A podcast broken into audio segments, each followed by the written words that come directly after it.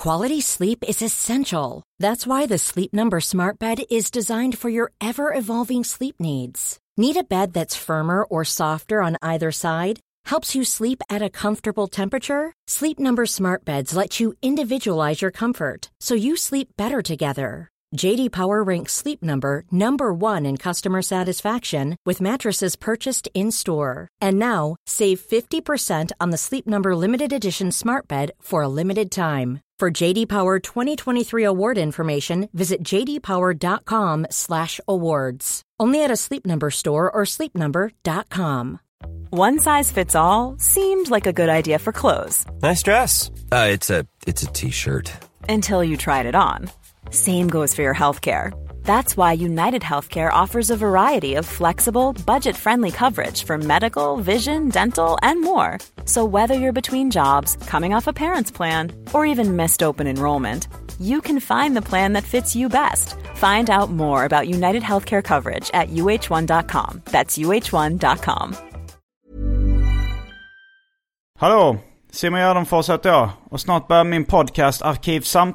Detta händer snart. Nu på tisdag den 4 april så kör jag stand-up på Mejeriet i Lund. Dagen efter det, onsdagen den 5 april, så kör jag stand-up i Malmö med de asroliga Petrina Solange och Marcus Berggren. Så om du inte sett dem så boka biljetter på oslipat.com nu. Och nu är det också dags det är hög tid att säkra biljetter till min stand-up-show Free as a Bird som jag kör med Peter Wahlbeck i maj i Stockholm, Göteborg, Malmö, Växjö, Linköping. Och nu har vi även äh, lagt till en lite billigare provföreställning i Jönköping. Biljetterna går åt som smör, så passa på att boka nu innan de tar slut på gardenfors.se. Glöm inte heller att följa mig på sociala medier som till exempel Instagram. Där heter jag atgardenfors. Men nu kommer Arkivsamtal. Mycket nöje!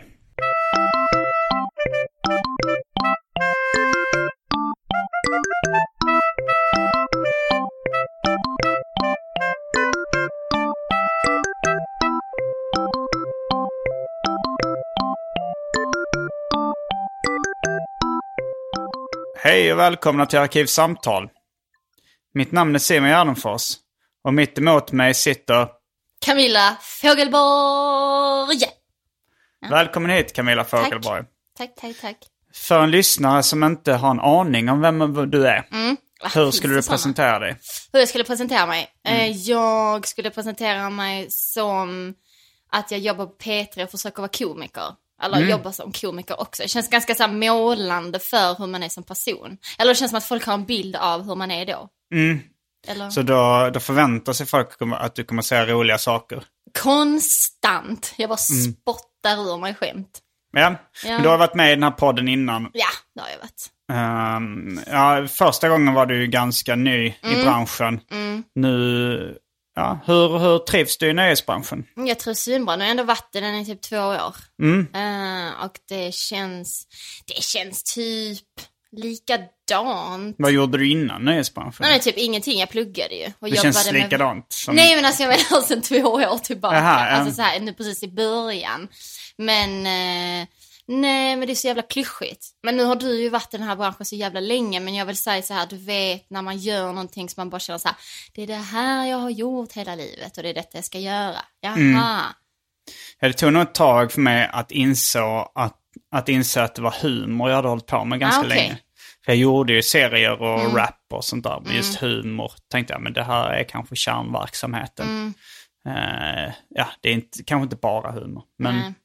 Men i viss mån. Jobbigt om man känner den känslan med något man inte vill göra. Vad? Det att det är när det man- här jag håller på med? Ja, Alltså, det här ska jag typ så här, att att man... förstöra för mina medmänniskor. Precis. Jaha, det är detta jag har gjort hela livet och är ämnad för att göra. Jag ämnad för, alltså jag kan tänka mig att, alltså klichébild när man går till en psykolog eller något Mm. sånt så kanske man sa jag har hela tiden bråkat med mig själv. Mm. Jag har hela tiden försökt överträffa min far. Eller sådana insikter. Ja. De, de kanske inte är så roliga att komma till. Nej, det beror på, som vi så skämtsamt brukar säga. Men eh, eh, nej, det är det kanske inte. Eh, Eller ja, Har du, du känns inte som en person som har eh, så många timmar i psykologsoffan bakom men jag, dig. jag hade nog behövt det. Varför det? Därför att jag har ju ganska mycket ångest. Har Det du mycket jag. ångest? Ja men det har jag. Eh, och jag har haft den sedan jag var liten. Eh, Du visar inte det så mycket utåt. Nej, men det är nog inte för att jag liksom, det är absolut inte för att jag säger oh det ska man inte Mm. prata om. För jag har väldigt lätt att snacka om det, det är liksom inget jobbigt. Nej. Men jag, eh, det är nog mer så här att jag får panik, jag är väldigt bra på att dölja det. Mm. För att då, nej men man har, även om jag inte- man är inte rädd för sin ångest, men jag är väl ändå rädd för att verka instabil, det tror jag. Eh, Eh, och då är det nog härligare att bara dölja det liksom. Ja, men det, det är ju det man gör. Mm. Och rätt ofta när, när jag har haft en nära kompis eller varit tillsammans med någon Mm. ett tag så, så märker man så, jävlar vad mycket ångest den personen Exakt, har. ja. Och sen så kanske man då träffar en, antingen en ny partner eller har någon ny kompis. Mm. Så tänker man, åh vad skönt med någon som är lite mer easy going. Och sen så kommer det alltid efter ett tag, ja det fanns rätt mycket Ja, ångest där. Ja, ja, det är alltid så. Man bara, nu har jag äntligen hittat rätt och sen bara psycho. Först så tänkte jag lite sexistiskt då att det var eh, folk jag var ihop med att det var s- mer vanligt bland tjejer. Mm. Men sen kom jag på att alla mina nära killkompisar också väldigt mycket ångest. Ja, ja, ja, men det är... Ja, men har du någon gång träffat någon som inte har ångest? Eh, inte som jag har lärt känna på djupet. Nej, Eh, till exempel Jesper Röndahl på, påstår jag att han aldrig har ångest. nej, men honom känner jag inte på djupet. nej. Men det, jag, jag vet inte varför han skulle gå runt och ljuga om en sån sak heller. Han kanske inte har det. Nej, men, Han, alltså, han är ju det tydliga exemplet i, i standupbranschen på en man utan ångest. men det är så sinnessjukt för att jag litar liksom inte på... Alltså det, jag, jag fattar det som du säger, varför ska de gå runt och ljuga? Men det är som min kille som säger så här, att han aldrig har huvudvärk. Alltså jag tror inte på det. Nej, alltså jag, han, att han aldrig haft huvudvärk hela sitt liv. Jo, han har, han har typ haft huvudvärk typ två gånger i sitt liv. Jag tror inte på det.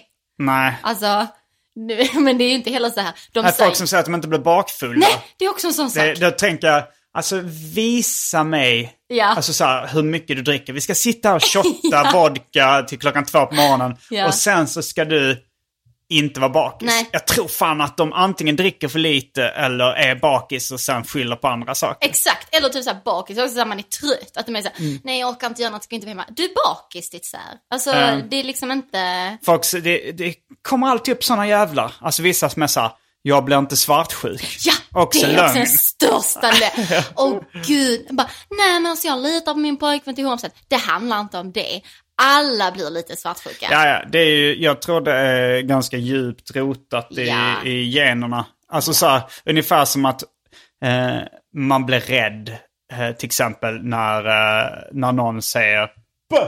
Ja. bakom ens rygg. Ja. Det är så här, eh, det, det tror jag är ungefär samma liksom, naturliga instinkt att bli rädd för det när man, när man liksom någon, när någon smäller en Kina-puff bakom ryggen på en. Mm. Ja. Som att bli svartsjuk när, eh, Ja. när till exempel någon snygg person stöter på ens partner. Ja. Då blir man ju sotis. Eh, och sen så, men sen så är det alltid jävla förnumstiga jävlar som kommer och säger så här. Men det, det behöver du inte vara. Nej. Du ska bara släppa det. Eh, det, är bara, det är bara att sluta.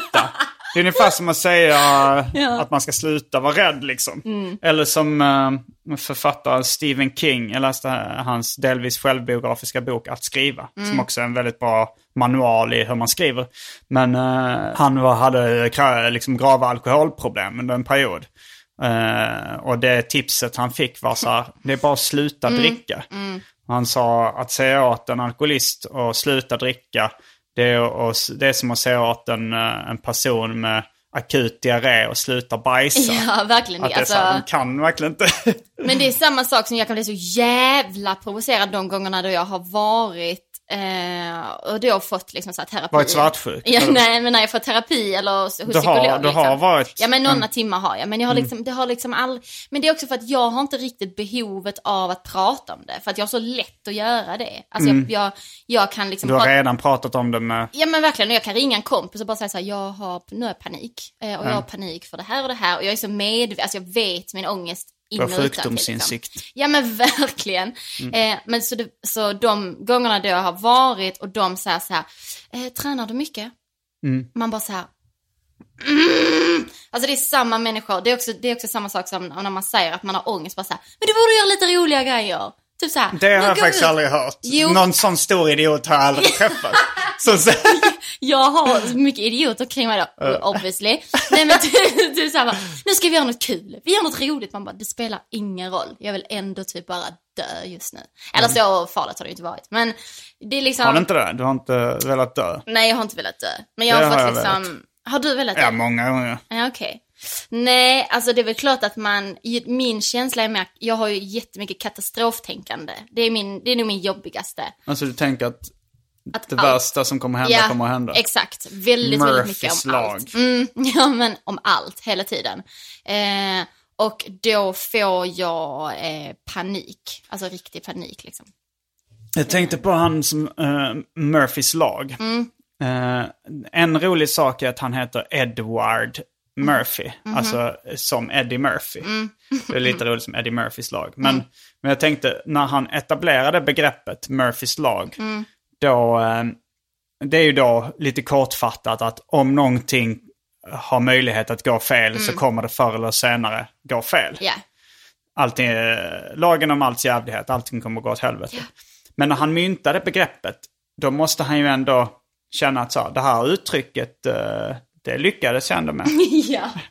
Eller hur? Och då har ju inte det eh, gått åt helvete. Nej. Men samtidigt så ifall det skämtet inte, eller skämtet, skämtet, den, den teorin Ja. inte går åt helvete, eh, då stämmer inte hans lag.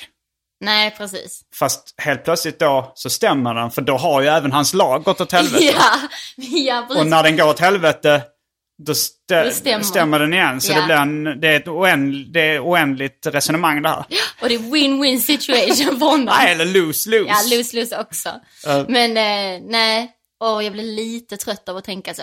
ja, sådana är ju jobbiga. Ja. Sådana logiska eh, evighetsmaskiner eller vad man ska kalla dem. Men det är ju det som också jag kan bli liksom så här för att ens ångest till exempel då är ju aldrig logisk. Alltså för det är den ju inte. Alltså är du är ju inte rationell. Ifall du inte blir instängd i en källare utan mat och du får väldigt mycket ångest av det. Då, då finns det lite logik i det. Det kan jag hålla med om. Fast samtidigt kanske någon förnumstig säger så här. Men du, du kan ändå inte komma... Det är inget, det är inget problem. Men jag, jag kan ibland tröstas lite av det här när folk säger så här. Eller när jag läste någonstans eller sånt där. Att ett problem är när, när, när man kan hitta en lösning på någonting. Men man kanske inte har hittat lösningen ännu. Nej.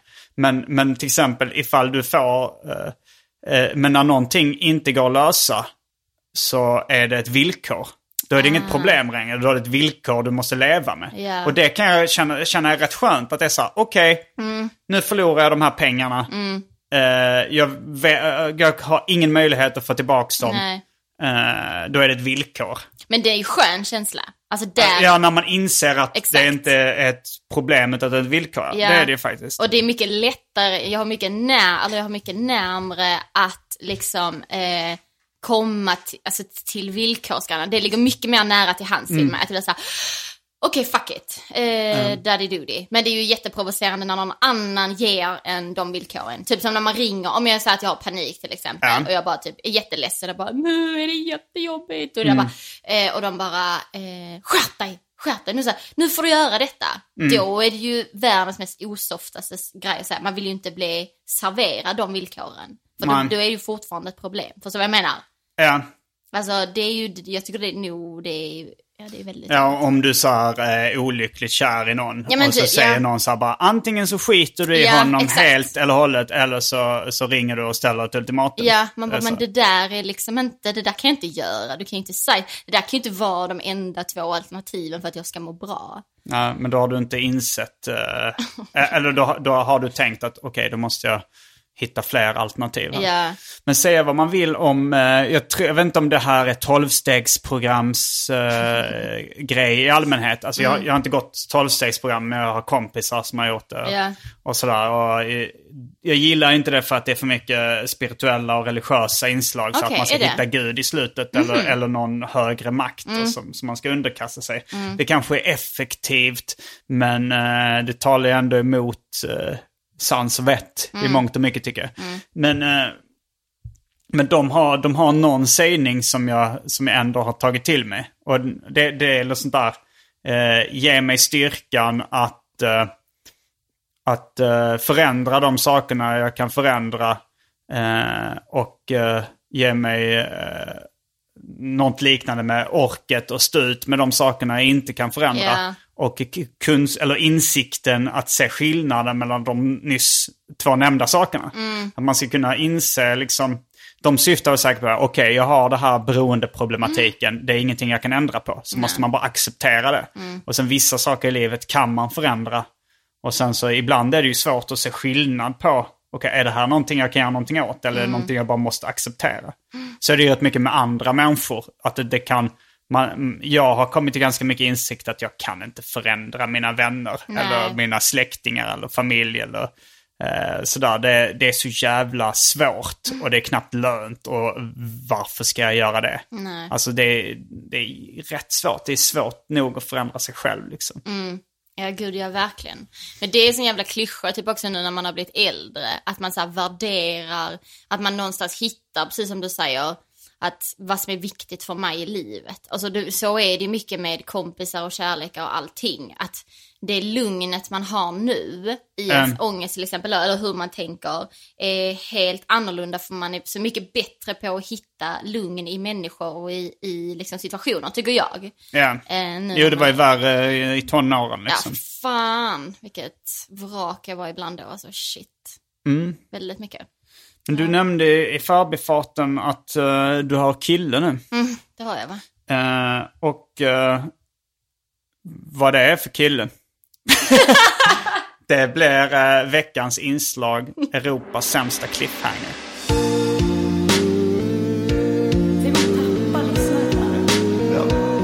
Europas sämsta cliffhanger. Mysigt. För innan dess så ska vi eh, kasta oss in på det omåttligt populära inslaget Välj drycken.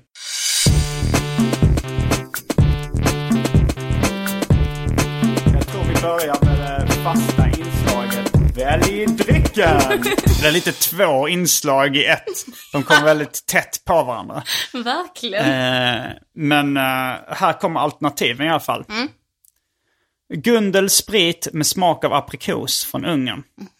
Som enligt uppgift smakar spya redan på vägen ner. Gundel och spya känns inte... Det känns inte som ett vinnande koncept. Tänker du att namn, att Gundel är ett ja. namn? Ja, det tänker Alltså jag jag. har hört namnet Gunnel, Ja. men inte Gundel. Men Gundel känns som att hon har en pappa som är från Tyskland och en mamma som är från Sverige. Eh, och så har det blivit ett litet barn med krylligt blont hår och fräknar typ. Och det tycker inte du låter gulligt. Nej, för det, det är det ganska månad för jag såg ut när jag var liten. Jag var så Ditt jävla ful. självförakt Ja, eh, ja. sätter käppar i hjulen. Uh. Um, Okej, sen så har vi Red Bull grön, gul, blå, cola eller sockerfri. Mm. Sen eh, finns det Rapsgate IPA, en lokalbryggd öl. Det finns Häxan, som är en blandning mellan alla drycker som har funnits med kyl innan jag gjorde en corporate rebranding på väldrycken. Okej. En total omgörelse. Jävlar. Eh, Mander Pils 5,0.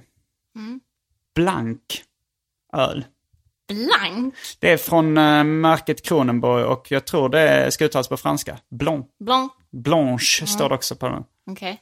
Och sen finns det Kazuza, Lemon Mint, kolsyrad dryck.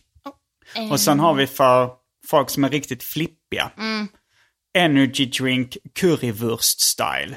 Fy fan vad äckligt. Jag, är så, jag har aldrig varit så glad att jag inte är en flippig person. Och för tråkmånsar och nejsägare har vi vatten. Det skulle jag ju aldrig vara.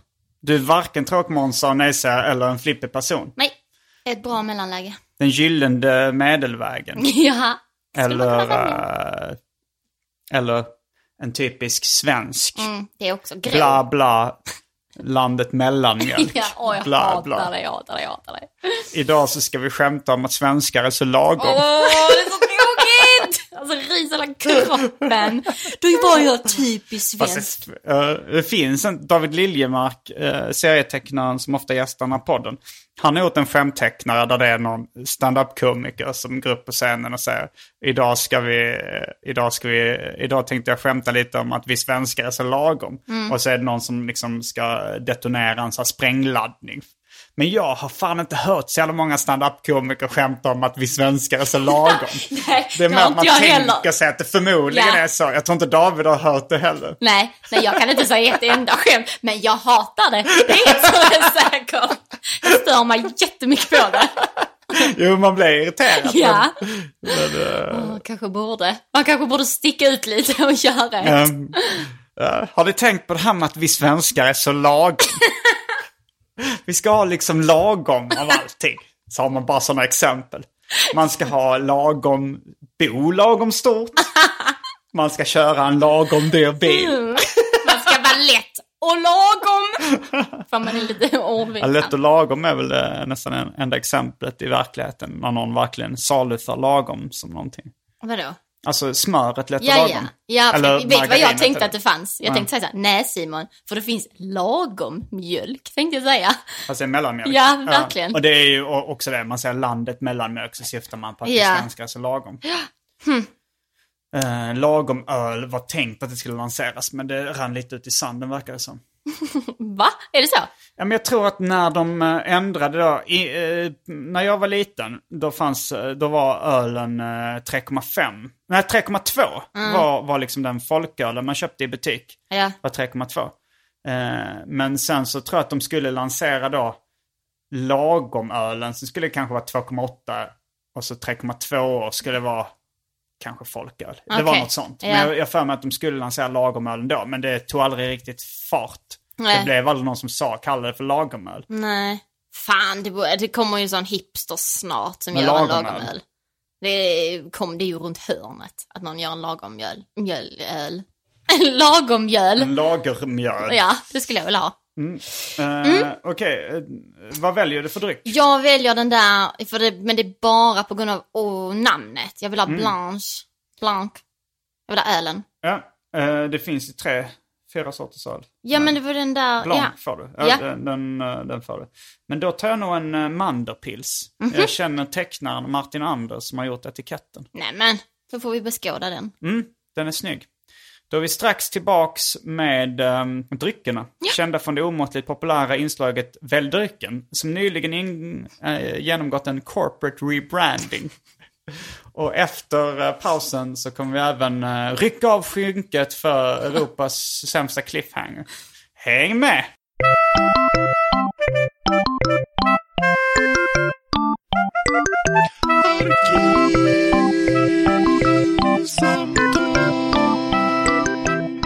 Nu är vi tillbaks med dryckerna. Camilla har gett komplimanger till flaskornas utseende. Och även sagt att, hen, att eh, hennes ångest är en del av henne. Säg meningen igen. Att, men jag, jag, jag menar ju att det är väldigt många som säger så här, om, när de pratar om sin ångest, att de säger så här, men Mm. jag tycker också om min ångest för det är en viktig del av mig. Vad är det för jävla idioter du umgås med? Men det är ju så, det är jättemånga som pratar om sin ångest som en del av processen. Inte Alltså, för, jag, inte, alltså, ja, det kom ganska mycket som en kalldusch för mig. Att, att folk säger så. Eh, jag kanske har hört det någon gång, men då har jag bara avfärdat de människorna som dumma i huvudet.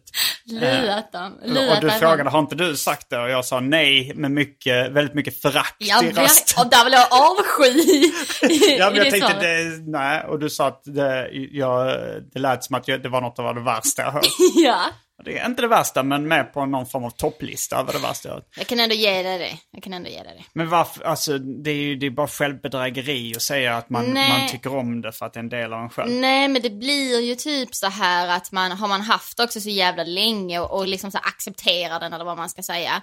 Då, alltså till exempel jag skriver väldigt bra när jag har ångest. Skriver Alltså, du roligt? nej, eller? det gör jag inte. Ja, men jag skriver kanske väldigt fint och känslosamt. Det är fina, di- känslosamma dikter. Du kan Jag tänka sitter mig. här vid fönstret, vid fönstret. regnet faller. Men samtidigt så, jag, jag börjar, jag är en väldigt öppen person. så eh, jag börjar ändå värmas upp till den sägningen lite. Att jag tänker så här, okej, i film och tv-serievärlden och kanske även eh, böcker, romaner och serieromaner och sådär. Så det är klart att eh, negativa grejer kan vara någonting bra. Det, eh, och då borde det kunna vara det i en personlighet också. Ja.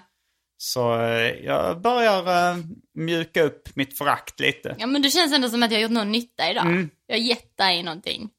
Ja. Kommer du ta det med dig och sen kommer du inte hata nästa människa som säger Nej. det. Du kanske bara kommer att känna lite avsky. Men du kommer inte vilja döda den personen i alla fall. Så kan det vara. Mm. Ja, ja vi, ska vi rycka av skynket för Europas sämsta cliffhanger? Jag tycker det. Eh, du ska få berätta om din nya pojkvän. Nej, vad jobbigt. Jag vill tänka, det är inte Europas näst sämsta cliffhanger. Vilken, nej, det är ju bästa. Sämsta. Ja, sämsta, men det bästa sämsta cliffhangern. Nej men vad fan, jag har kille. Oh my God. att det känns så, poddlyssnarna kan känna min gen, alltså att jag blir röd och generad. Ja, det är lite de, eh, nu jobbar vi med negativa känslor i den här podden. Verkligen, att jag måste lära mig att prata om sånt här. Hey, it's Danny Pellegrino from Everything Iconic. Ready to upgrade your style game without blowing your budget? Check out Quince. They've got all the good stuff shirts and polos, activewear, and fine leather goods, all at 50 to 80% less than other high end brands. And the best part? They're all about safe, ethical, and responsible manufacturing. Get that luxury vibe without the luxury price tag. Hit up quince.com slash upgrade for free shipping and 365 day returns on your next order. That's quince.com slash upgrade.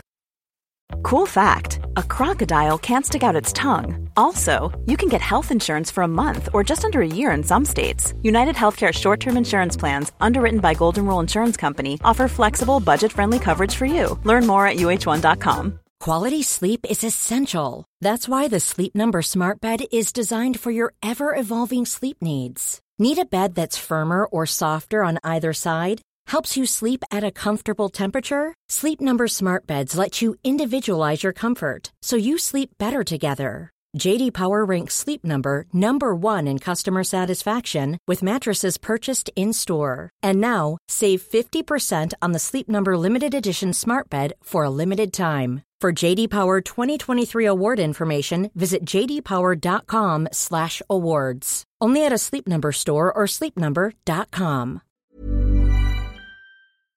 Det, var det länge sedan du hade liksom en officiell pojkvän sist? Ja men det var väl något år sedan var det väl. Det var det. Mm. Eh, och sen har det inte varit något. och sen nu är det. Mm. Eh, nej men det var ett bra tag sedan. Det var ett jävla jävla bra tag sedan jag var så här kär kan jag säga. Mm. Så det är ju underbart. Ja, Det känns det, amazing. Livet är underbart just nu. Hur länge sedan var det ni blev ihop då? Ja men det är typ två månader sedan. Okej, Eh, så, det är, fortfarande inne i den här nyförälskelsefasen. Exakt.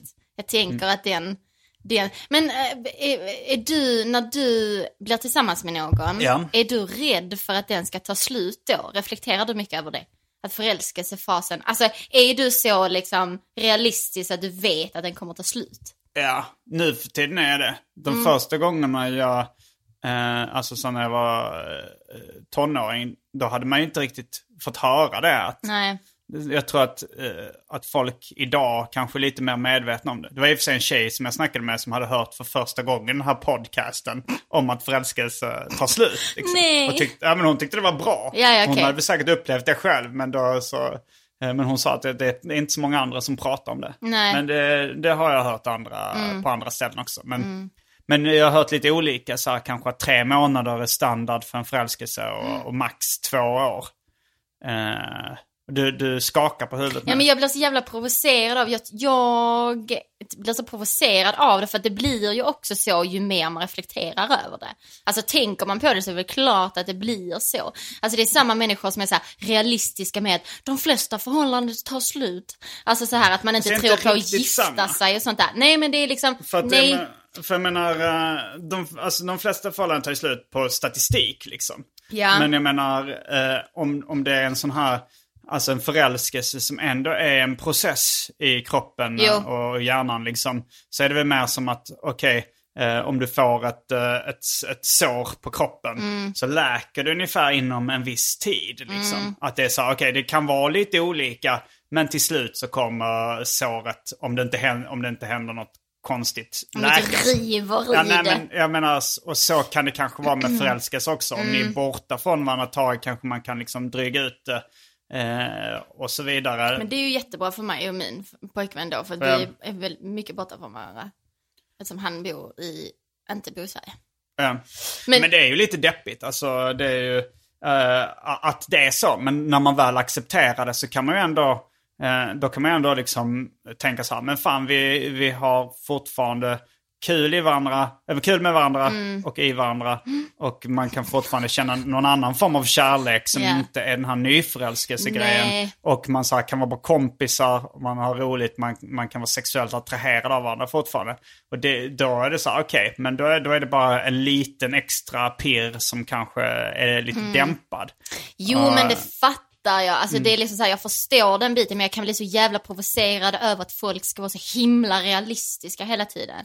Alltså Jo. kärlek är ju inte heller, alltså du är ju inte rationell i dina känslor när det gäller sånt. Och då kan jag bli, jag vet inte, det jag är väldigt romantisk av mig och tror väldigt mycket på kärlek och väldigt så här, impulsiv och daddy daddy när det gäller det. Eh, Eh, och då, jag vet inte, det Jag känns... blir nog mer provocerad av, av folk då som väljer att inte, eh, att inte tänka, alltså så här, som, det, det känns ungefär, nu, nu för att använda samma uttryck som det, Mm. det är samma människor som säger så här, men jag vill tro på spöken. Ja. Jag väljer att tro på spöken. Mm. Eh, och det, det är så här, ja men vad fan, det, då, kan, då, kan vi, då kan vi börja fabulera helt. Ja. Det känns, det, det, då kan man inte ha en vettig diskussion riktigt om någon ska bara frångå logik och sans och vett. Nej. liksom. Nej, alltså... Det är väl bättre att, det, det är klart att man, man kanske säger, "Ah, men jag vill inte tänka på det nu. Nej. Mm. Alltså så här, det, nej men nu vill jag bara njuta av det här.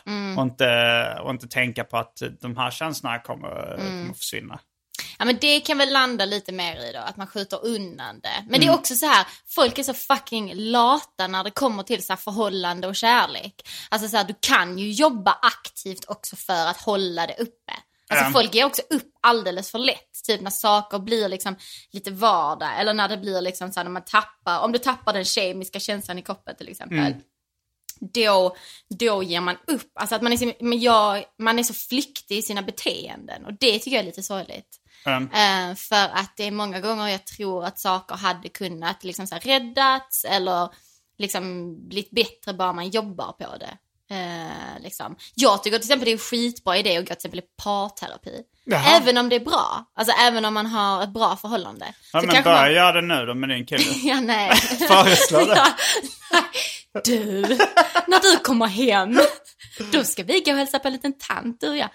Är också att jag har en bild av att jag är en liten tant. Men jag hade nog haft lättare att prata med en kvinna än en man. Ah, ja, whatever. Men Jag har träffat din kille eh, långt innan du träffade honom. har du? Men han var med och gjorde panikvideon till Far och Son. Just det, det gjorde Han han. håller på med film. Det gör han, han är regissör.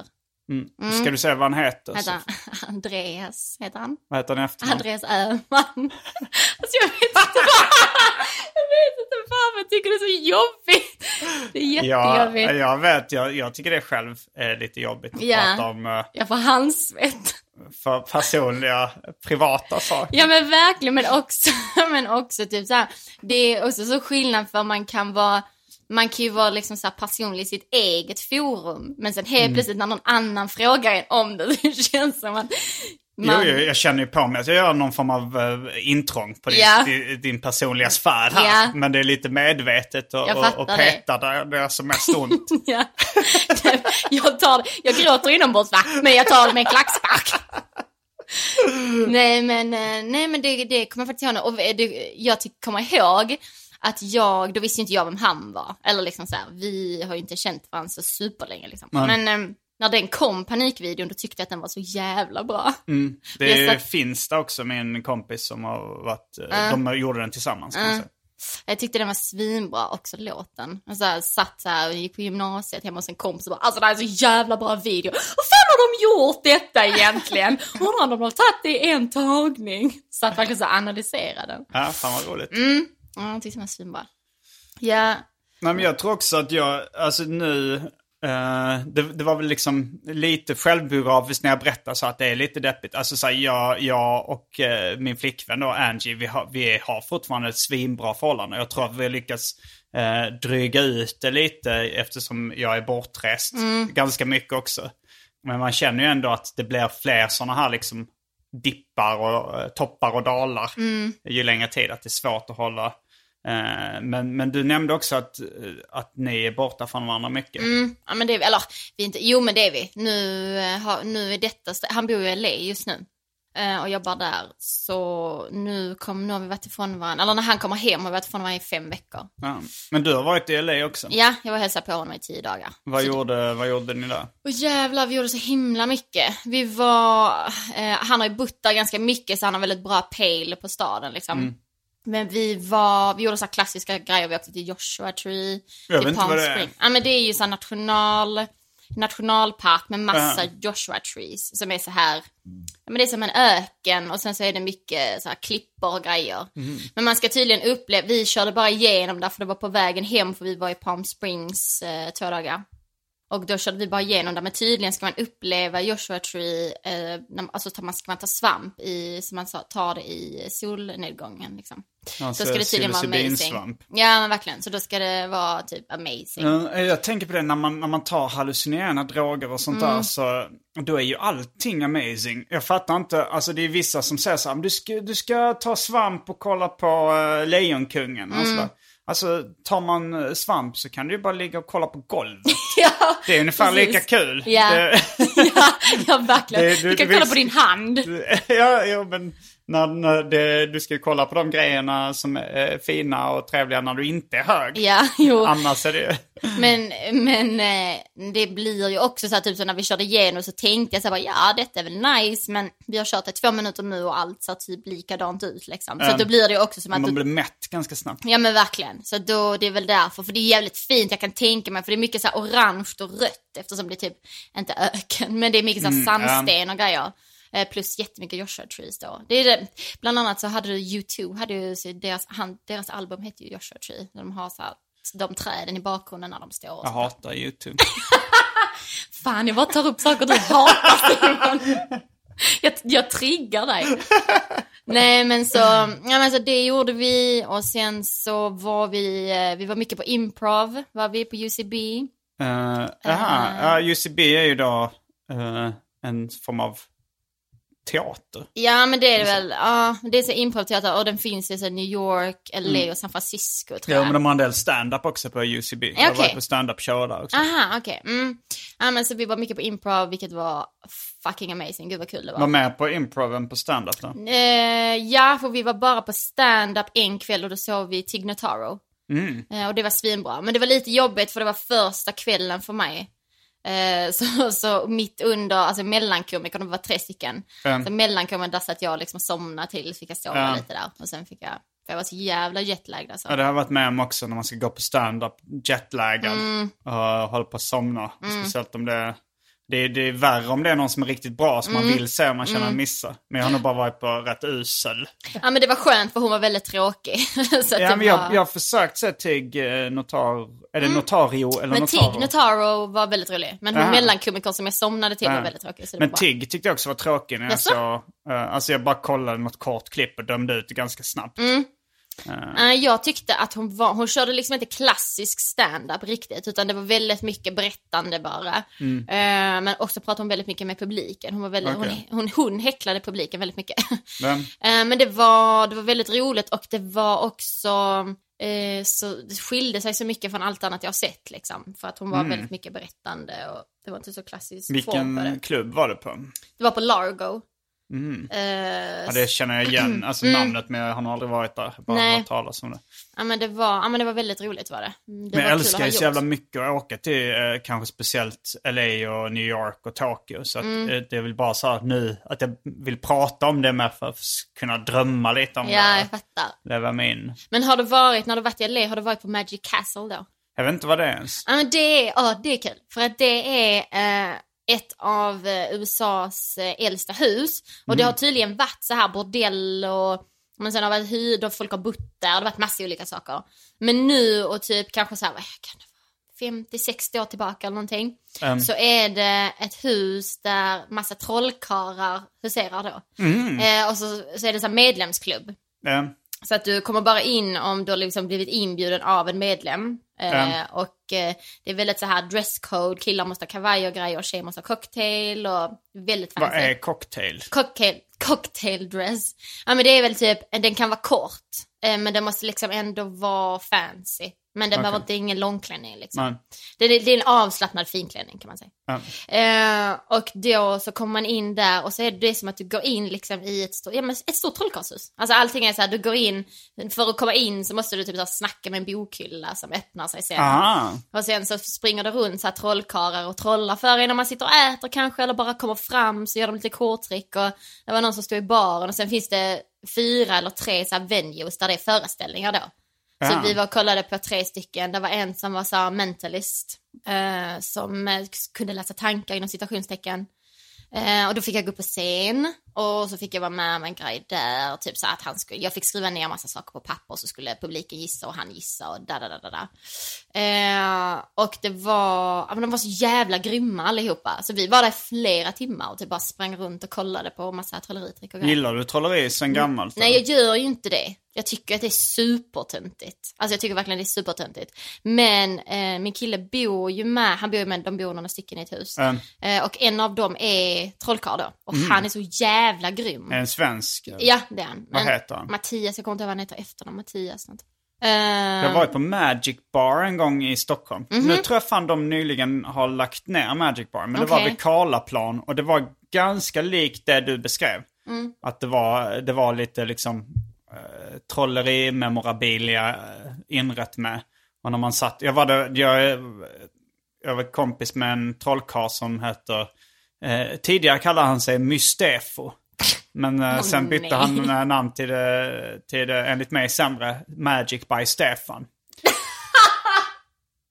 Eh, men han, han fyllde år, jag, kommer inte, jag tror det kan ha varit hans 25 eller 30-årsfest som han då firade på Magic Bar. Och då Mm. var det också så att man satt och käkade så kom det någon och gjorde lite mynttrick och liknande vid bordet. Och sen Mm. kunde man se någon mentalist också. Och sådär. Det, var, det var ju jävligt rolig stämning. Då. Mm. Ja men det, det blir ju också typ så att även om man tycker då att jag har kanske lite så här inställning till att jag inte, alltså jag ju imponerad av det men jag tycker kanske inte det är så ballt liksom. Ja, det är ganska tyckte. mycket den inställningen som många har till stand-up. Så Ja. att det är råtöntigt. Men precis. Och att de sagt, men har knappt sett det. Ja. Och, och sen, ja. Så jag antar att det är ungefär samma. Jo men verkligen, men sen när man kom in där och det var liksom Alltså hela huset var så jävla coolt utifrån, alltså hela fasaden och inne, alltså du dras med i det så himla mycket för det är liksom som du går rätt in i en låtsasvärld. För att detta var också så himla himla himla påkostat allting liksom. Eh, så att det var, det var skitfet upplevelse. Det var riktigt kul att ha varit där. Ehm, och alla var så jävla grymma. Så här. Det är också, Men gav det mer smak? Kommer du gå på, kommer du gå på magi i Sverige? Det kommer jag ju nog inte göra. Jag har ju blivit de där, du vet om Brynolf och Ung eller Ljung. Ljung, ja. ja. De trollade ju för mig en gång på en fest. Mhm. Och då var jag väldigt full också, vill jag Men- säga. Men då blev jag så imponerad så att jag typ började gråta lite. Oj, För att vad det- var det de trollade fram? Ja men de trollade fram, de stod och bara gömde saker i mina kläder. Alltså, jag hittade kort i min ficka, bara hur har det kortet kommit dit där? Och de typ så här, de, det, var, det var mycket korttrick de höll på med. Eh, och sen så bara var det någon som öppnade en jävla apelsin och då låg där ett kort i där. Alltså det var liksom sådana saker som var så mindblowing. Eller att man fick, jag fick skriva på ett kort och så bara drog han ut det ur munnen. Mm. Alltså det är liksom hur, alltså jag fattar ju att det inte är trolleri. Riktig magi. Nej. Vill, är du inte, har du inte samma inställning Jo. där som att du vill tro det? jo, jo. För det är också så här, hur gör de det annars? liksom. Det finns ju han där som är så illusionist, han som avslöjar alla trollkarlars trick. Har du sett det? Det gick Nej. på TV5 innan. Var det, det var inte Henrik. Fexelius? Nej, nej, det var en Ste- Steffe. Din kompis. Magic by Stefan? det var Stefan. Nej, men det var någon amerikansk som hade någon show i Las Vegas liksom. Men så fick han ett eget tv-program och så visade han alla trick liksom hur det gick till egentligen. Ja. Och det är också så här jävla töntigt. För då är det så att då tjänar han ju ändå pengar och får fame för att bevisa någonting som andra gör. Alltså att han avslöjar dem. Det är också så fittig stil. Ja, jag är lite kluven där. Ha, hatar du det också nu? Nej, jag hatar inte. Där är jag kluven. Mm. Eh, men, eh, men jag tycker ändå liksom att eh, det är ännu löjligare när man ska hålla saker hemligt. Nej men det är väl, kan inte vissa saker bara, det är, den, den åsikten har jag, har jag väldigt stark ibland. Att vissa saker ska bara få vara vad de är. Och då kan det väl bara få vara så att folk tror att det är trolleri. Eller liksom så här, kan man inte Men bara... ja, Nej, det är ju inte, det är ju inte så att folk går runt och tror att, att, att, att de kan dra fram att du har mynt bakom örat. Liksom. det är väl klart. att de Det var det kan trolla på riktigt. Ja, men det, men det kan man väl liksom så här. Det är som, det är samma människor som är så. Du är väldigt mycket inne på samma människor. Ja. Även i, i din stand-up-akt så är det mycket, det är samma människor Ja, som... ja, jag tycker om att generalisera. Det är mitt bästa. Men det är de som tycker det är kul att avslöja för barn att tomten inte finns. Mm, Ja, men det är också så jävla onödigt. Men hur mycket, ja jag vet inte om jag tycker det är så bra att man lurar barn. Ja, men de kan, om de mår finns. bra av det ett tag, de kommer ju fatta förr eller senare. Om de bara mår bra av att en skäggig snubbe kommer med julklappar en gång om året, kan inte de få göra det då liksom? Jag har ju, jag klädde ut mig till Pippi Långstrump en gång och kom till min systerdotters kalas liksom och hon trodde rakt av att det var Pippi Långstrump. Det är väl Alltså- underbart, då är hon ju jätteglad. Alltså i stunden liksom. Det är inte så att hon kommer bli sur sen och bara hur fan kunde du din lilla fitta? Ah, ja. alltså, då, ja, men Jag är mer inne på ärlighet. Ja, Det, men det är Nej, det är jag inte. Det är också en sån grej som, eh, som jag själv säger ibland och som många säger, att man tror på ärlighet. Mm. Men, men eh, ingen vill ju ha 100% ärlighet egentligen. Nej. Alltså ifall... eh, Ja men, för man, man tänker ju så mycket taskiga saker om folk. Ja, Och, eh, och, och det är ingen som vill höra det. Nej. Det är bara taskigt ja. att säga det. Ja. Så att man ska inte vara så jävla ärlig. Nej, nej, gud nej. Det är så folk som, så, det, är samma människor. Som säger, som säger så här, jag pratar aldrig skit. Man mår bra av att prata skit om människor. Alla gör det. Ja. Man måste få lov att göra det. Ja, ja. Eh, Det, Ja, men det... Ja, det mesta måste man göra till en rimlig gräns. Ja. Jag försöker, så här, jag försöker vara ärlig till en rimlig gräns och snacka skit till en rim, rimlig gräns. ja, kul karaktär, personen som alltid är orimlig. och alltid når en orimlig gräns av saker. Pratar jättemycket skit och är jätteärlig och jätteoärlig. Allting orimligt mycket. Det finns nog ganska mycket sådana. Mm, det finns det säkert. Men jag knäckte ingen nöt där du. Knäckte ingen nöt. Nej men att jag kom på en ny karaktär, det var inte det du menade. Peter Men- Wahlbeck. Mm. Han, han är ju en sån som eh, pratar väldigt mycket skit och lite för ärligt kanske. Han har ju lite förstört sin karriär genom det. Ja, men hur, hur känner du inför det, att du ska åka ut på turné med honom? Uh, alltså jag, jag, vi har bokat fem gig plus en provföreställning. Okej, Och, jag, jag, och ifall det är för jobbigt så behöver jag bara härda ut de eh, fem dagarna. Liksom. Eh, om det är kul så kan jag fortsätta. Så det är, inte, det är ju ingen så här, det är inget äktenskap som kommer som jag har liksom skrivit upp mig för livet. nej förälskelsen kommer gå över för er. Ja, jag vet inte om det, om det finns någon direkt förälskelse. alltså vi, jag tycker ju att han är en av Sveriges absolut roligaste personer. Eh, men, eh, men det är ändå liksom, han är väldigt, eh, det, han släpper inte in så mycket andra personer i sin värld. Liksom. Nej. Det är mycket en one man show när han kör, liksom pratar och sådär. Det är rätt svårt att få en syl i vädret. Eh, så det, det kanske blir jobbigt i längden, vi får se. Men, eh, men fem shower tror jag nog ska nog inte vara några problem. Nej. Sen kanske det dyker upp skandaler och olika grejer. Men samtidigt kommer det bli bra stories. Jag tänkte säga, hoppas du inte lite på det Jo, jo. Att det blir liksom, att han bara tappar det någon gång. Ser man, så är det foto på honom, ser man där, där bakom, står och tittar fram bakom gardinen typ. Mm, nej men jag fattar, ni känns ju ändå som varandras kontraster ganska så mycket liksom. Tycker du det? Det tycker jag. Nu har jag ju aldrig riktigt pratat med honom, men Nej. vad jag förstår. Vad har du själv på gång nu? Ja, jag har ju inte så jättemycket på gång. Eller så här, det känns som att jag, nu har jag en sån period när jag måste skriva så jävla mycket. Att jag har, alltså jag har så... Du jobbar med P3, PP3. PP3 och Ja. där är du producent. Nej, där är jag Där- webbredaktör. Webbredaktör, Eh, okej. Och håller på. Hoppar in och pratar ibland. Ja, Eh, och sen så, men, det, det, men det är också en sån grej, vi är så liten redaktion så där bara måste man komma med idéer allihopa. Alltså så, Ja. det, vi utformar programmet allihop. Mm. Och då är det också när man jobbar mycket med sånt så blir man så himla uttömd. Eller jag tycker det är svårt att skriva när jag fokuserar väldigt mycket på jobbet för att det tar så mycket av ens kreativitet. Eh, Men jag har ju typ, liksom, till exempel nu när jag var i LA, alltså vi skrev mycket, vi brukar prata väldigt mycket om sånt. Alltså mycket Du jobb. och den killen. Ja, jag och Andreas. Eh, och vi pratar väldigt mycket, men han bollar idéer och jag bollar idéer. Så att jag har ju så, ja, så mycket anteckningar och så Mm. mycket skämtidéer. Men det är bara att man ska sätta sig ner och skriva. Jag har ju inte den disciplinen riktigt som du har. men, Jag kan inte bara sätta mig ner och köra. Så det är väl det jag har på gång, att jag måste verkligen... mitt tips till det är promenader. Mm. Alltså när man ska sätta sig ner och hitta på någonting är det svårare än om man sätter mobilen på flygplansläge Mm. och, och går på något tråkigt ställe där man inte kommer träffa folk. Nej. Då tycker jag det, har, det har jag alltid eh, haft som en, en grej. Eller det, det kom jag på liksom efter ett tag, liksom, Mm. att det här är lättare. Men sen så läste jag någon artikel om också så okej, eh, att när du rör dig så, så ökar liksom kre- kreativiteten och, och, och tankeförmågan Ja. med si och så många procent. Och, och sådär. Ja men du mår ju bättre av det. Alltså det är ju liksom så här, att, att jag blir provocerad av att folk säger till en att träna när man mår dåligt till exempel. Eller som nu, alltså att man ska ut och röra sig. Det är också till viss del för att jag inte pallar. för att jag är så jävla dålig på att träna. Jag hatar ju springa och hålla på liksom. Så att det är väl till viss del det liksom. Eh, men det är väl klart. Jag brukar, jag bor ju väldigt, väldigt nära vattnet. Eh, så att jag brukar gå ner och sätta mig på bänken som går längs med bryggorna liksom. Var bor du Jag någonstans? bor ute i Gröndal heter det. Ja. Ehm, så det är ju precis, alltså mitt emot Hornstull ju. Mm. Så det är ju där vid vattnet. Eh, och det är runt knuten på mitt hus bara. Mm. Eh, så där brukar jag kunna liksom så här, sätta mig och skriva och hitta lugnet.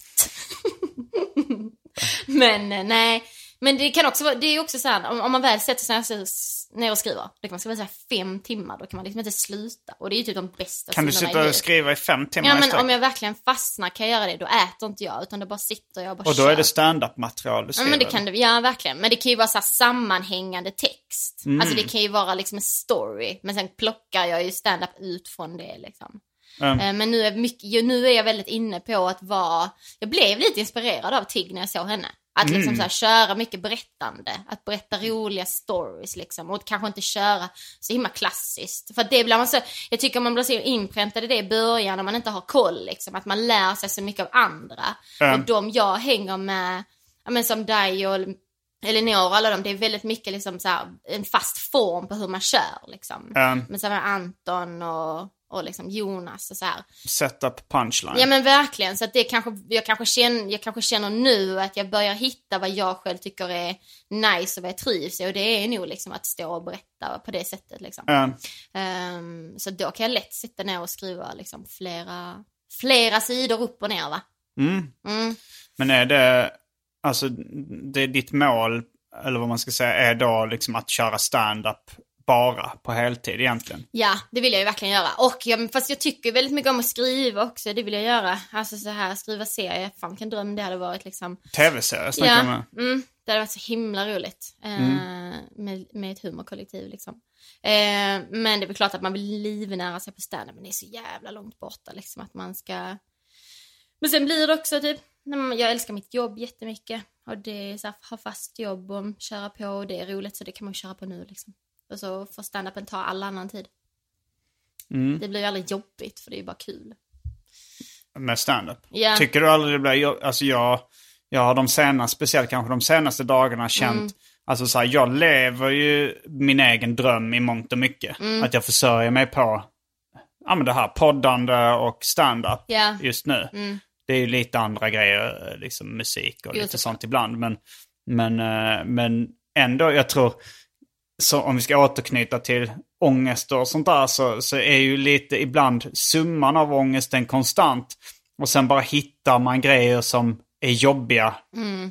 vilken situation man än har. Ja. Alltså så här, eh, de senaste, senaste veckan och sånt har jag känt mig ganska pressad. Mhm, Alltså så här från, på en och samma dag så var det liksom,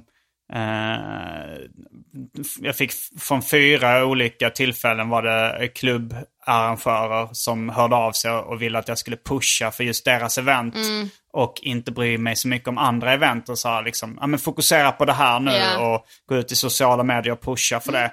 Och, och det var liksom eh, vid fyra tillfällen på samma dag. Ja. Plus då att jag eh, var tvungen att prata med polisen och advokat angående eh, en annan, alltså det här mm, bönklubben på Ja. Åland-grejen och sånt där. Och, eh, jag, och så, så här, jag, då, då kände jag mig så här, fan, jag, jag är ju pressad och, och lite stressad i det här. Och, och sen så liksom hopar sig alla andra saker med så här fakturering och, och sådana grejer. Så då, då kände jag, okej, även i det här liksom drömlivet nu, att jag kan försörja mig på det här, så finns det näst, så känner jag mig att jag har nästan lika mycket problem som när jag var eh, pank och arbetslös och, och, och försökte liksom få ihop lite pengar till, eh, till hyran eller så här SOS. Liksom. Att det var så här, det, det är inte så jävla stor skillnad inne i hjärnan Nej. med de yttre. Och det, och det, och det liksom komiker som är mer framgångsrika än jag. Eh, alltså så här, de jag känner liksom med Soran och Ja. liknande. Så de har ju förmodligen ännu mer problem. Ja, gud ja. Det känns som det är mycket ångestproblematik där också. Det är andra grejer som Man förflyttar ju bara den. Ja, men Ja. det, är ju som, det, det är ju som så här, när folk säger så här att ja, men det, är, det är inget problem. Eller sånt här för att, för att du har pengar till exempel. Eller för att du har en lägenhet. Bara, Mm. Men det förminskar ju inte mina känslor för det. Eller liksom så här, det finns ju folk i världen som har det värre. Jo, Mm. det är väl klart det. Men jag kan ändå tycka att det är pissjobbigt. Ja men som du då. Det problemet blir inte mindre för att du rationaliserar liksom. Nej, Eller det- känslan av det. Fast det är ju, alltså så här, man förstår ju ändå att hade jag varit ett, ett gatubarn Jo, i jo. Rwanda så hade, hade det varit större problem. Men eh, Men det, men det kan ju inte du känna. Det är ju helt omöjligt för dig att känna. ja, det är det ju. Alltså liksom så att ditt problem blir inte mindre viktigt för dig för det liksom. Det är fortfarande lika stort Nej. även om... För det var min polare, när, när jag klagade på det här liksom att, eh, att jag blev pressad av de olika bokarna. Så, Ja. så sa han, han himlade med ögonen och sa lite ironiskt, "Ja, det är så synd om dig. För Han tyckte att Han han, hade, han hade kanske lite ont om jobb eller så här. Och, eh, och han tyckte, okej det är synd om dig att det är så många. Eh, och sen, sen efter ett tag så insåg han väl också att okej, jag antar att, eh, att det finns nivåer i helvetet Ja. liksom. Eller Jo, i himmelriket eller vad man ska kalla det. Det här som vi så skämtsamt brukar kalla livet. Lägg ut en bild på dig själv och skriv live. Det har jag nog heller aldrig gjort. Inte ens ironiskt. Nej. Men, men, eh, nej men det är väl typ så här, det kommer alltid finnas små problem men man landar väl fortfarande i det man mår bra av. Alltså till exempel jag kan ju tycka att det är jobbigt att köra stand-up. Ja, men jag har landat i att jag vill bli komiker. Det är liksom min stora, det har jag landat i. Det vet jag att jag vill göra. Mm. Eh, sen vilken form, det kanske jag fortfarande ruckar på. Eller hur Mm. jag vill göra det. Men jag vill jobba med humor liksom. Men jag kan, men till Men exempel. jag tror att du- har kommit en, en ganska god bit på vägen i jakten på lycka. Men att du såklart. verkligen vet vad du vill. För Jo, det är men de verkligen. flesta där ute. Alltså jag har ju jag har varit där också att jag inte har vetat vad jag vill göra. Nej. Eh, alltså så att jag kanske så till och med har... Jag kommer ihåg när jag var runt 20 och kämpade som serietecknare. Och det gick inte så jättebra. Då kände jag så här, fan alltså jag... Då kände jag att jag hade... Jag ångrade lite att jag hade skaffat mig kreativa ambitioner slash pretensioner. Att jag kände så här, varför måste jag... Åh fy fan vad det här är svårt och, och det går så dåligt. Och jag ångrade lite att jag inte bara blev en medelsvensson Ja. som kunde nöja mig med ett vanligt 9-5 jobb och familj och, och, och radhus. Liksom. Jag tänkte så att det verkar så jävla mycket skönare att inte ens att inte sätta den här pressen på mig själv och vara kreativ. Liksom. Fan vad jag kan känna igen den känslan. Mm. Jättemycket. Fortfarande kan jag känna så här ibland. Alltså vissa stunder. Att det är som, varför kan jag inte bara nöja mig lite? Men det vill man ju, alltså det hade, man ju aldrig, det hade ju aldrig funkat ändå. Alltså man hade ju varit så jävla olycklig. Det var ju därför innan jag började köra liksom så stand-up och jobba med humor, att det skavde lite. Det var liksom Mm. inget som var fel, men jag var bara liksom inte på rätt plats. Um, Alltså, Så att det kommer, man kommer ju aldrig nöja sig. Och det är ju liksom väldigt jobbig känsla men det är också den som gör en bra. Jo, Eller man liksom, väl har de här, alltså jag vet ju inte hur det är att inte ha kreativa ambitioner Nej. överhuvudtaget. Nej. Men när man väl har lite det, om man inte är på den platsen man vill, Mm. då, då, kan jag känna, då kan jag verkligen känna mig så att man, man tittar in Mm. eh, genom fönstret till ett nöjesfält och de andra har så jävla roligt Mm. där inne och man, och, och, och man själv liksom har inte tillgång till den här världen. Nej. Men, men den känslan kan jag få ganska mycket med standupen för att jag kan vara så här, det jag tycker är jobbigt är självklart att skriva. Alltså det jag skäms ju, eller jag kan känna skam när jag kommer till en klubb och inte har nytt material. Alltså för mig själv, alla andra det kan jag egentligen få ta och skita i för att det är ju väldigt sällan publiken, alla i publiken har hört alla ens skämt liksom. Så att det är inte det utan det är skammen mot mig själv för att jag känner att jag själv blir besviken för att jag kanske inte utnyttjade tillfället. Eller liksom så här, kunde gjort så mycket mer av detta än vad jag, vad jag gör nu. Mm. Och den tycker jag är väldigt jobbig men en annan aspekt på det som jag också kan tycka är liksom så här som tär på mig med standupen det är liksom att man känner att man måste hänga så jävla mycket. Att det är väldigt mycket så här du ska ut och du måste träffa massa människor som du kanske annars liksom inte hänger med. Mm. Och det handlar inte om att man tycker illa om dem eller tycker liksom så här att det är inte nice människor, alla är superhärliga. Alltså branschen är ju jävligt nice på det sättet för att Ja, man är väldigt, ja men exakt om, omhändertagande och sånt här. Så det har liksom aldrig med människorna att göra. Men det här att det krävs så mycket av en utöver själva jobbet, eller vad man ska Ja. säga.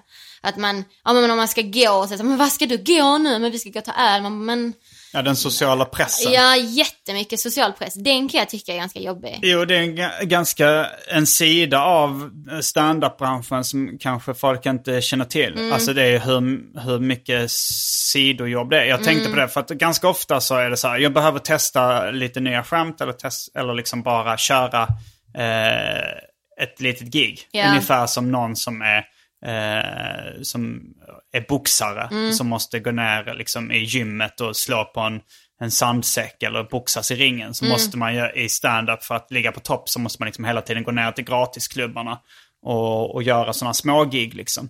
Man kanske får sju minuter på Big Ben om man har tur. Och då kan det vara så att jag går ner till, eh, jag, jag, jag blir bokad rätt ofta liksom officiellt på de här klubbarna. Men ibland kan det vara så här, ja men jag går ner eh, en söndag på Big Ben eh, och då, showen börjar åtta. Jag kommer dit klockan sju för att eh, liksom, om man är där i god tid, om man träffar eh, konfan som håller i gigget så, så har man en chans att få en spot. Ja. Och så, så kommer jag dit kanske klockan sju. Och så pratar jag med då Ahmed, Beran eller vem som konfar den kvällen.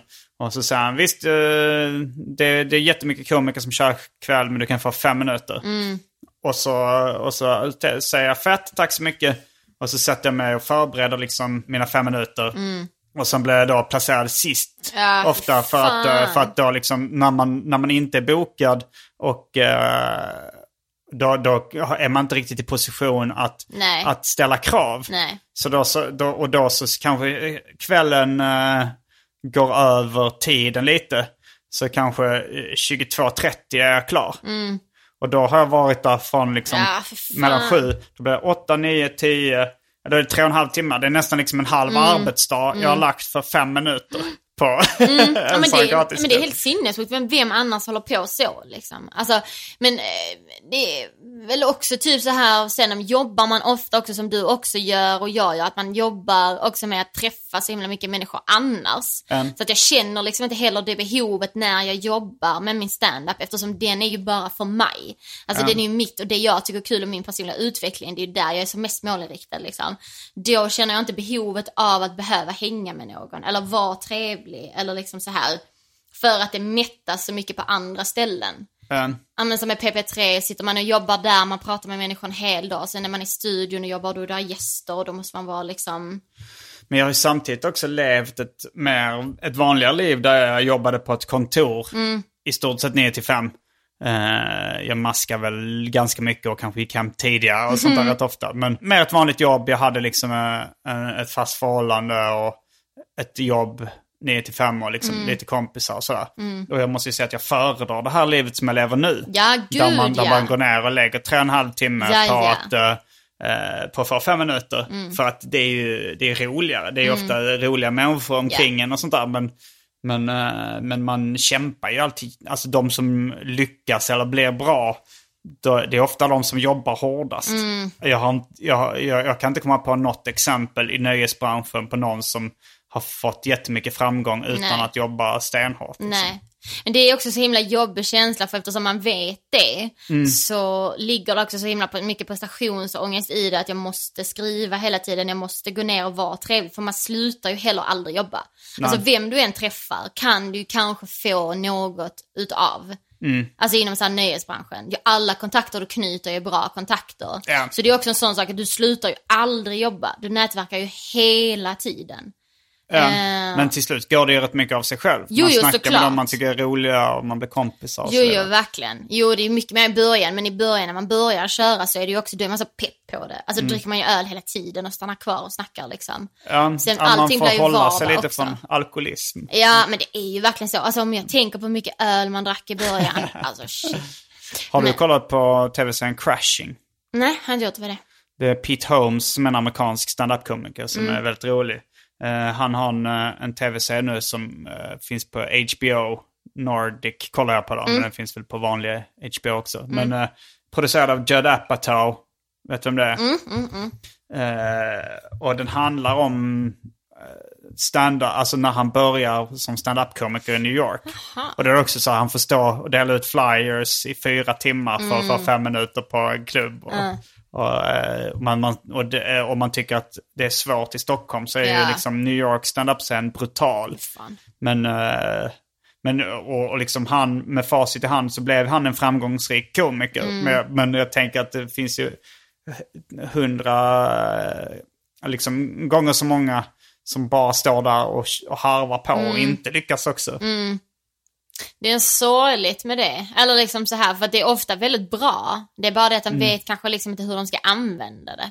Eh, Alltså för att det är ju ofta att de liksom är slipade och levererar alltid liksom. Att de så solid game. Vilka då? Nej men så i sin standup, de som står år efter år efter år, de är ofta inte liksom dåliga. Mm. Nej. Utan de liksom levererar. Men de kanske inte når den nivån för att de vet kanske inte heller riktigt hur de ska ta sig till nästa. Det känns som ett extremt stort steg att ta liksom. Eh, Det är, svår, det är svårt att avgöra vilka det är som liksom sticker iväg och blir, eh, och blir rikskända Jo. i Sverige också. Alltså, det finns ju vissa komiker som jag tycker så, här, så jävla, alltså kan riva hem extremt mycket skratt Mm. varje gång och, eh, och gå ner på liksom, klubbarna och är svinbra.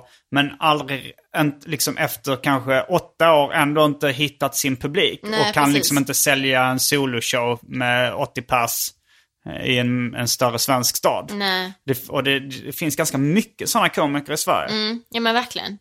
Eh, Jag känner mig lyckligt lottad där att jag på något sätt eh, började, att jag inte började med, alltså på ett sätt kanske, om jag hade börjat med stand-up så kanske jag hade kommit längre inom det vad jag är nu.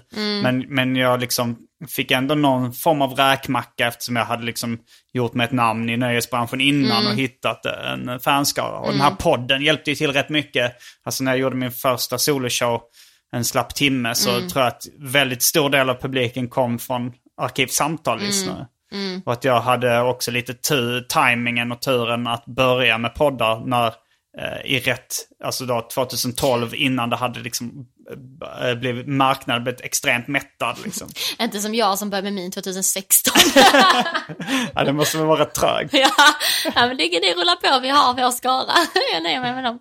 Nej, men och det är också så, det är också, men det finns väl också två olika skolor kan jag känna att, de, att, det, finns, att det finns de som tycker liksom att de som glider in på en räkmacka att de inte har kämpat. För jag, jag hatar den sägningen så här att du ska ha dina, du ska liksom så här, slava de här timmarna på de här klubbarna i så många år, då förtjänar du det typ. Och det tycker jag är den mest tröttsamma jävla spaningen någonsin. För att det är också så här, ja men om det funkar för dig, gör du det då. Men om jag är på rätt ställe vid rätt tidpunkt och kanske river och inte har kört så jävla länge och blir hypad. Då har väl jag gjort det bästa av den jävla stunden. Jag är inte mindre förtjänt att bli lyckad då. Nej. Eller liksom så här, jag hade väl också en ganska bra in i standardbranschen var inte alltså, jag- eftersom jag kände så många standup-komiker liksom. Mm, och du Och- jobbade på radio. Jag jobbade på P3 och jag hade den här webbserien med Kodjo, Akolor Mm. och David Ruid liksom. Eh, så att, men det betyder ju inte att min karriär är mindre värd än de som har kört och harvat liksom dag ut och dag in och jag är på samma nivå som dem. Jo. Att, nej. alltså, det är så konstigt. ledande fråga. Ja, verkligen. det är så du hatar. Det var och- inte en fråga. Men... ja, ja. Nej, men jag tycker det är så himla tröttsamt när människor håller på så. Men jag tycker det är lite, alltså eftersom man är sin egen chef och arbetsgivare Ja. så, så lite, det kan vara lite svårt med det här konstanta dåliga samvetet. Ja. Alltså det var så att, för, för man hör ju det, det här liksom hela tiden att ja men du ska fan köra så mycket som, som Mm, du kan. Man, Jag läser om så här Chris Rock, han skrev så här liksom, jag, jag gick inte på någon dejt under hela min ungdom för jag var- hängde hela tiden på Comic Mm. Strip och de andra klubbarna i New York och bara så hoppades på att få en spot. Bara hängde där och sen, Mm. och sen fick han sitt break liksom av en sån eh, trollslag i branschen liksom Mm. när Eddie Murphy kom förbi och, och upptäckte honom liksom. Eh, men, eh, men som i söndags till exempel var jag bokad på Big Ben och, och Angie då, min flickvän, eh, ringde och sa fan kan vi inte hänga liksom. Och vi hade inte sett, då hade jag redan gjort sex gig den veckan. Ja. Och jag sa okej fan jag ställer in. Mm. Big Ben och så, så bara kollade vi på film och häng, lagade mat och hängde hemma hos henne. Men då var det ändå det här lite gnagande samvetet. Mm. okej, där prioriterar jag inte, där gjorde jag inte mitt bästa. Jag Nej. gjorde inte det som var bäst för min karriär. Nej, nej, du, den är svinjobbig. Men så kan jag känna typ så här varje tisdag eller varje torsdag eller söndag, där det är Big Ben till exempel, om Mm. vi då pratar Big Ben. Men det är, också, det, är, det är också en sån sak, om du inte gör saker du mår bra av, Mm. alltså om du inte mår bra i psyket, då kommer inte stand-upen bli bra heller. Alltså så man måste också väga, så är det med allt i livet. Alltså, eller jag tycker verkligen så, jag är väldigt driven av att jag måste må bra hela tiden. Sen är det väl klart att man, det, jag mår dåligt som jag har suttit och sagt nu va? att jag får panik då och då. Men man, om inte jag mår bra psykiskt, om inte jag får hänga med min kille eller om inte jag liksom får gå ut och festa eller käka middag och må bra av det, då kommer ingenting annat bli bra heller. Alltså, Men för du bestämma dig, är du som bäst kreativt när du har ångest eller när du mår bra? fan! Jag vet men det är också så här, jag är så himla falsk i alla mina känslor. jag kom, allt det jag har sagt att jag hatar nu, kommer jag själv säga någon gång. Jag är den mest flyktiga människan någonsin när det gäller åsikter. Och med de orden så avslutar vi veckans avsnitt av Arkivsamtal. Mm. Jag heter Simon Gärdenfors. Och jag heter Camilla Fogelborg. Fullbordat samtal.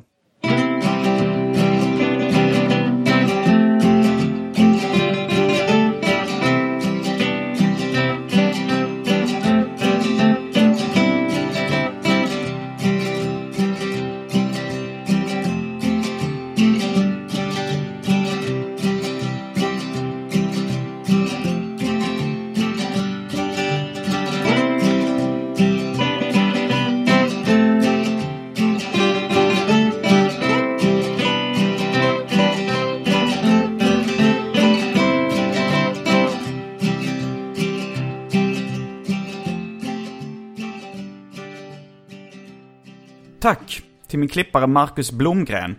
Följ honom gärna på Instagram under namnet Marcus Brumgren. Marcus med C och Brumgren med två M. Enligt egen utsago Sveriges minst uppskattade Instagramkonto. Så missa inte det.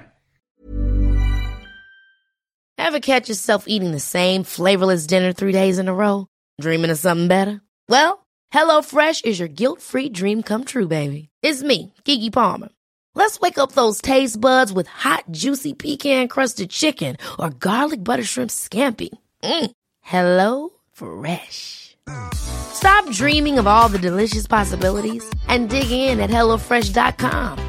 Let's get this dinner party started. When you need mealtime inspiration, it's worth shopping Kroger, where you'll find over 30,000 mouthwatering choices that excite your inner foodie. And no matter what tasty choice you make, you'll enjoy our everyday low prices, plus extra ways to save, like digital coupons worth over $600 each week. You can also save up to $1 off per gallon at the pump with fuel points. More savings and more inspiring flavors make shopping Kroger worth it every time. Kroger, fresh for everyone. Fuel restrictions apply.